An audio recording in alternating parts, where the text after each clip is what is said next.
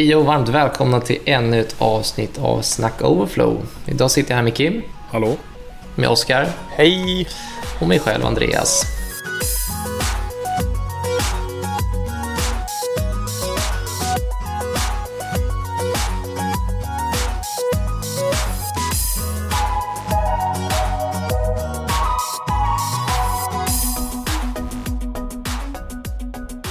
Och det här är ju avsnitt två i, i sommaravsnittskategorin. Så vi tänkte fortsätta på den banan och snacka lite problem som vi har stött på under året. Och det kan ju vara problem som är lösta, icke lösta, det kan vara tekniska organisationsproblem etc. Så jag tänkte faktiskt lämna över micken till Oskar så ska han dra lite kontext till ett problem han har stött på under, under året. Jag skulle inte säga att problemet är helt löst dock. Men eh, problemet som jag vill prata om är att eh, jag fick ett nytt uppdrag. Och det uppdraget krävde att man skulle kunna Azure framförallt. Eh, och jag, jag kan inte det. Eller jag, jag kan det mer nu. Men jag kunde inte det innan uppdraget. Jag har rent historiskt sysslat mest med fronten. Och eh, kan väl i teorin vad de, de här molntjänsterna är och vad de gör. Man kan söka för, förstå dem lite grann. Men eh, jag har alltid duckat dem för att jag har helt enkelt inte varit sådär jätteintresserad av Mm. eh, varken Azure eller AVS. Suttit mest på AV- AVS innan. De påminner inte alls mycket om varandra eh, visade sig. Men så då var det Azure enligt teknikkartan som företaget har. Och sen kollade jag på alla systerprojekt och de använde någonting som heter Terraform. Det hade jag också hört talas om sen innan. Så då tyckte jag det verkade vara en smart idé att använda Terraform för att skapa konsekventa, eller, ja, konsekventa miljöer. Men problemet var att jag inte kunde någonting eh, om varken Terraform eller Azure. Eh, så min approach var att läsa skumma en massa tutorials och kom snabbt fram till att det finns väldigt mycket sätt att skapa upp eh, samma sorters resurser och det finns väldigt många patterns på att lösa samma problem så jag blev inte klok på det. Eh, så då, då körde jag nästan LBLB på en av tutorialsen och eh, började bara hård, eh, alltså mata in eh, i Azure och skapa upp resurser där. Mm. Eh, för att sen använda, för jag hittade till slut att med Terraform eh, så kan man importera en resurs. Så man får ner det som en typ en JSON lokalt. Eh, det, det var riktigt smidigt. Så då liksom brute forceade jag ut saker som jag trodde såg rätt ut i eh, Azure. Sen så använder man längst ner på dokumentationssidan för alla resurser i Terraform så finns det en liten eh, import snippet Så man skriver bara in lite saker som kopplas till resursen och så drar man ner det. Och då får man en JSON på outputen från Terraform och därifrån sen så typ reverse engineerar jag alla resurser. Det, det, jag har satt ganska länge med det men det är också en väldigt galen approach. Eh, nackdelen med det är att jag, jag vet ju Alltså varken Terraform eller Azure berättar ju exakt vad som är ett bra pattern och vilka resurser man ska använda med varandra och hur du ska använda dem. Och, eh, ibland så kanske jag tog i lite för mycket. Och ibland så kanske jag tog i lite för lite. Men eh, eh, jag måste säga så här i efterhand att det här med molnet var mycket roligare än vad jag hade tänkt mig. Mm. Alltså när man själv eh, gått ner sig i det. För innan har det bara varit att jag inte har kunnat riktigt tror jag. Och så har jag inte riktigt varit sugen på att sätta mig in i det. Men nu tycker jag ju Terraform är ett fantastiskt smidigt verktyg. Jag vet fortfarande inte, eh, alltså det, det största problemet skulle jag säga för mig är fortfarande Azure. För att det finns så mycket Mm. konfigurationer i eh, alla resurser. Mm. Men ju- just det här mönstret att naivt brute-forca ut saker i Azure och sen så försöka importera det med hjälp av Terraform och tolka den outputen för att sen kunna skapa upp eh, Terraform YAML-filer. Så, så det jag gjorde var för att när man kör Terraform plan, ja, i, Terra, ja, i Terraform kan man köra plan och så får du en output JSON. Eh, jag diffade den planen från importen som jag fick och när de diffade tillräckligt lite så antog jag att det skulle fungera. Snyggt. Eh, ja, det var... Det låter ju verkligen som att ni, ni har hamnat i en väldigt lite bortskämd approach, eller väldigt bortskämt projekt på det sättet att ni, ni får ett problemområde och sen så eh, får ni lösa det egentligen hur som helst. Nu kanske liksom de tekniska rambegränsningarna var Azure och Terraform verkar inte vara en teknisk begränsning, men ändå att ni, ni får ett problemområde och får hålla på med tekniker som, som ni inte kan från början. Men då tänkte jag fråga, fanns det, fanns det någon om vi säger molnkompetens och fanns det någon infrastructure as code-kompetens i teamet eller var allt sånt här nytt för er? Nu sa ju du att du hade nej, var... lite med AVS, men... Ja, nej, eh, min, eh, den, min enda teammedlem Mattias som brukar vara med här, han hade ju absolut mer koll på allting som har med DevOps att göra. Men han hade inte jättebra koll på Azure heller och hade inte heller suttit med Terraform. Så han, han, hade, han hade bättre koll på vilka patterns man kanske ska använda. Eh, men eh, vi var båda noviser när det kom till Terraform och eh, Azure. Så det var nästan lite kul för att då var båda två tvungna till att lära sig. Och vi fick, vi har ju fått väldigt fria händer enligt en sån här teknikkarta som uppdragsgivaren har. Och där liksom Azure var en tillåten molnplattform och Terraform var ett tillåtet verktyg. Sen tänkte vi att det fanns synergieffekter för att några av de andra liksom, systerprojekten har använder liknande teknik. Så då tänkte vi att det, det känns dumt att hitta, ja, komma på hjulet på nytt helt och hållet.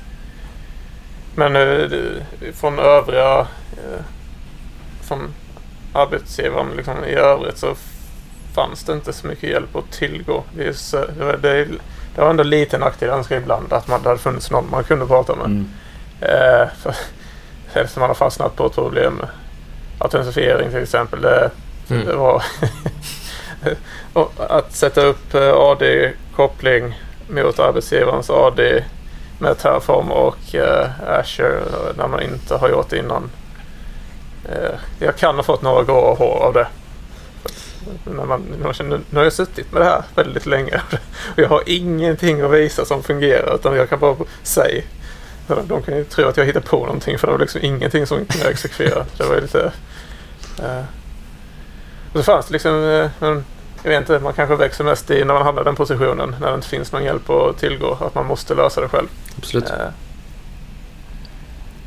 På, den, på den toppingen, skulle du säga att ni, ni det låter som att ni var ett väldigt självständigt DevOps-team och ni fick egentligen fria händer givet ja. vissa ramar såklart. Skulle du säga att, att självständiga DevOps-team alltid är bra på det sättet? Att nu hade inte ni, ni hade väldigt grundläggande kompetens inom Azure och IAC-verktyg som Terraform och sådär. Men skulle du säga att det är, det är det man strävar efter i team? Att det ska vara sån självständighet oavsett om man tar kompetensen eller inte? Eller tycker att det var en begränsning?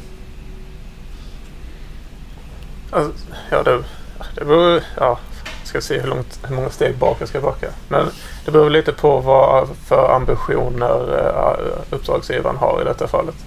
Skulle vi vara ett team som bara ska komma in och rock'n'rolla och sätta upp någonting och sen lämna det. Då hade det varit bättre att ha någon som visste vad de sysslar med. Men nu är det inte riktigt det de gör. Nu vill de ha någonting som håller över tid. Då är det ju definitivt bättre. Liksom bussvakten blir ju inte så farlig när båda lär sig lika mycket. Så vi har fått fin kunskapsspridning över teamet på två personer. Men också att vi, vi kommer föra detta vidare på andra team sen. Så det känns väldigt smart att äga det i teamet istället för att ha någon abstraktionsnivå i form av någon DevOps-nivå som man kan konsultera och som hjälper som man måste vänta på. Eh, ja, jag skulle säga att alltså jag föredrar nog att teamet äger det själv. För jag har varit i motsatt, när det varit det motsatta, att det är någon något man beställer och försöker kommunicera sig fram till och det är inte så där jättekul. Inte i de fallen jag har råkat ut för i alla fall. Så du skulle säga att eh, tröskeln som, som ni var tvungna att ta er över var värd att kliva över i det här fallet? Eh, absolut. Mm. Eh, också var det väldigt roligt. Eh, det, det uppdraget jag sitter på nu så det, jag har verkligen klivit utanför min eh, comfort zone på ganska många grejer och eh, det, det har visat sig vara ganska både nyttigt och, eh, även fast det är lite läskigt, men det har varit nyttigt och kul. Så det skulle jag definitivt rekommendera. Hur mycket, hur mycket kollar ni på bakomliggande bitar kontra Azure och Terraform? Eftersom Azure har sin, har sin ARM eh, template som allting transpileras till. Eh, hur mycket kollar ni på, på, på den delen? Du nämnde att ni importerade resurser och diffade. Men kollar ni någonting på att köra eh, typ ARM native eller typ Azure Bicep som en, en native till Azure? Eller var det bara Terraform? Vi kollade en del på Bicep.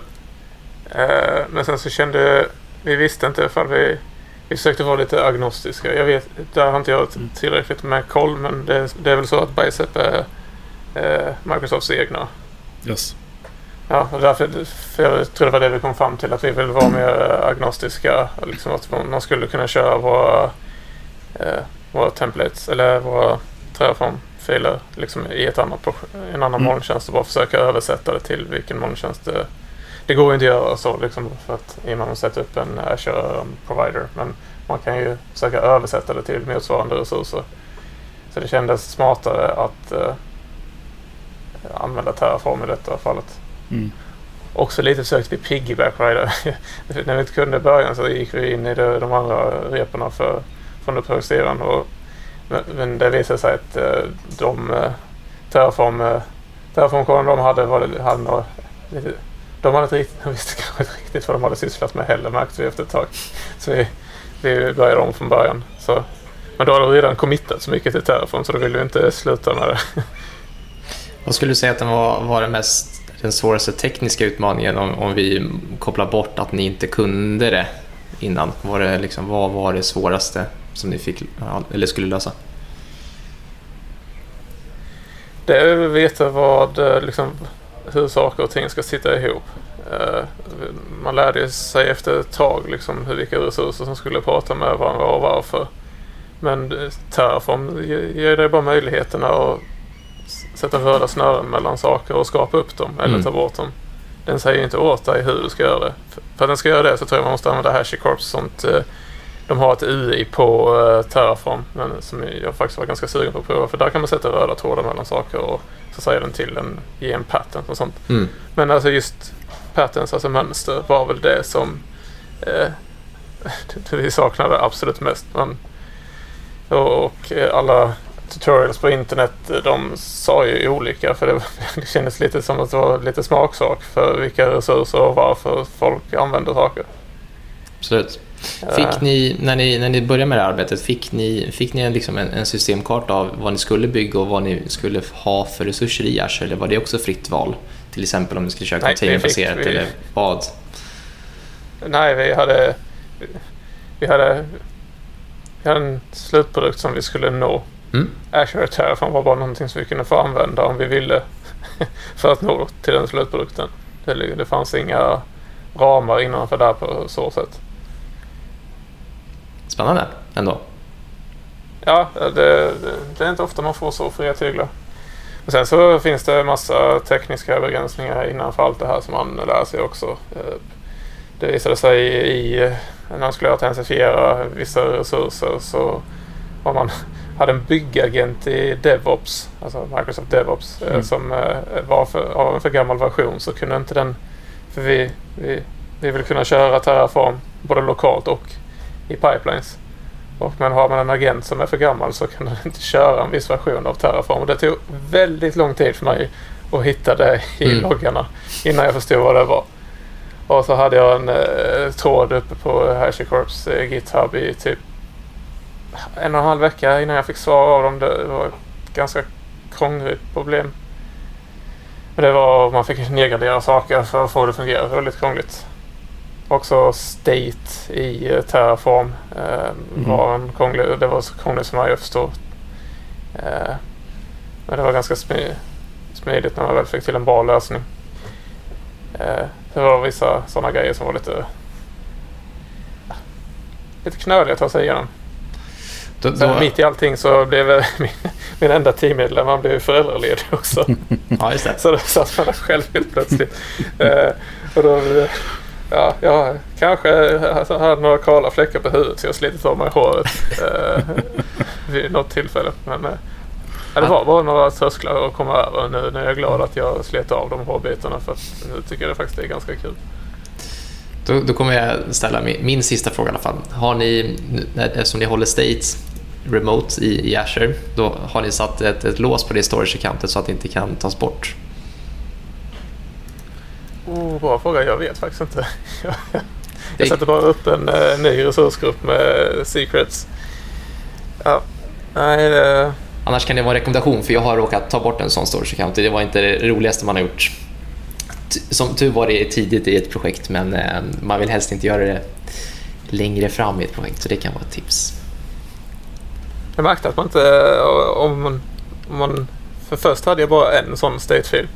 Men när jag körde igång en massa eh, pipeliner, eh, det är inte den exakta direktöversättningen, men pipelines, då, då kan inte två stycken pipelines läsa av den filen samtidigt. Det, mm. var också himla knökigt. Så då fick jag sätta upp en massa sådana mm. eh, buckets heter det inte i eh, SD, det heter containers. Containers, yes. ja. ja.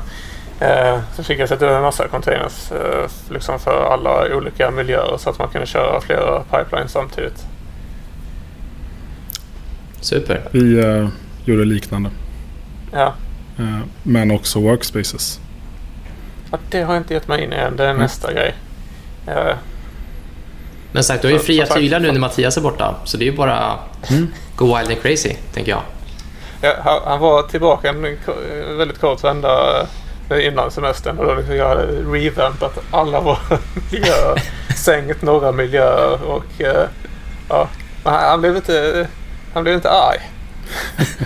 han visste väl att han skulle vara ledig igen så att, eh, han, han prokrastinerade problemet. Toppen Oskar. Då ja, tänker jag att vi tar och avslutar här. Ja, tack för att ni lyssnade. Tack, tack. ha det fint. Hej. Hej. Hej.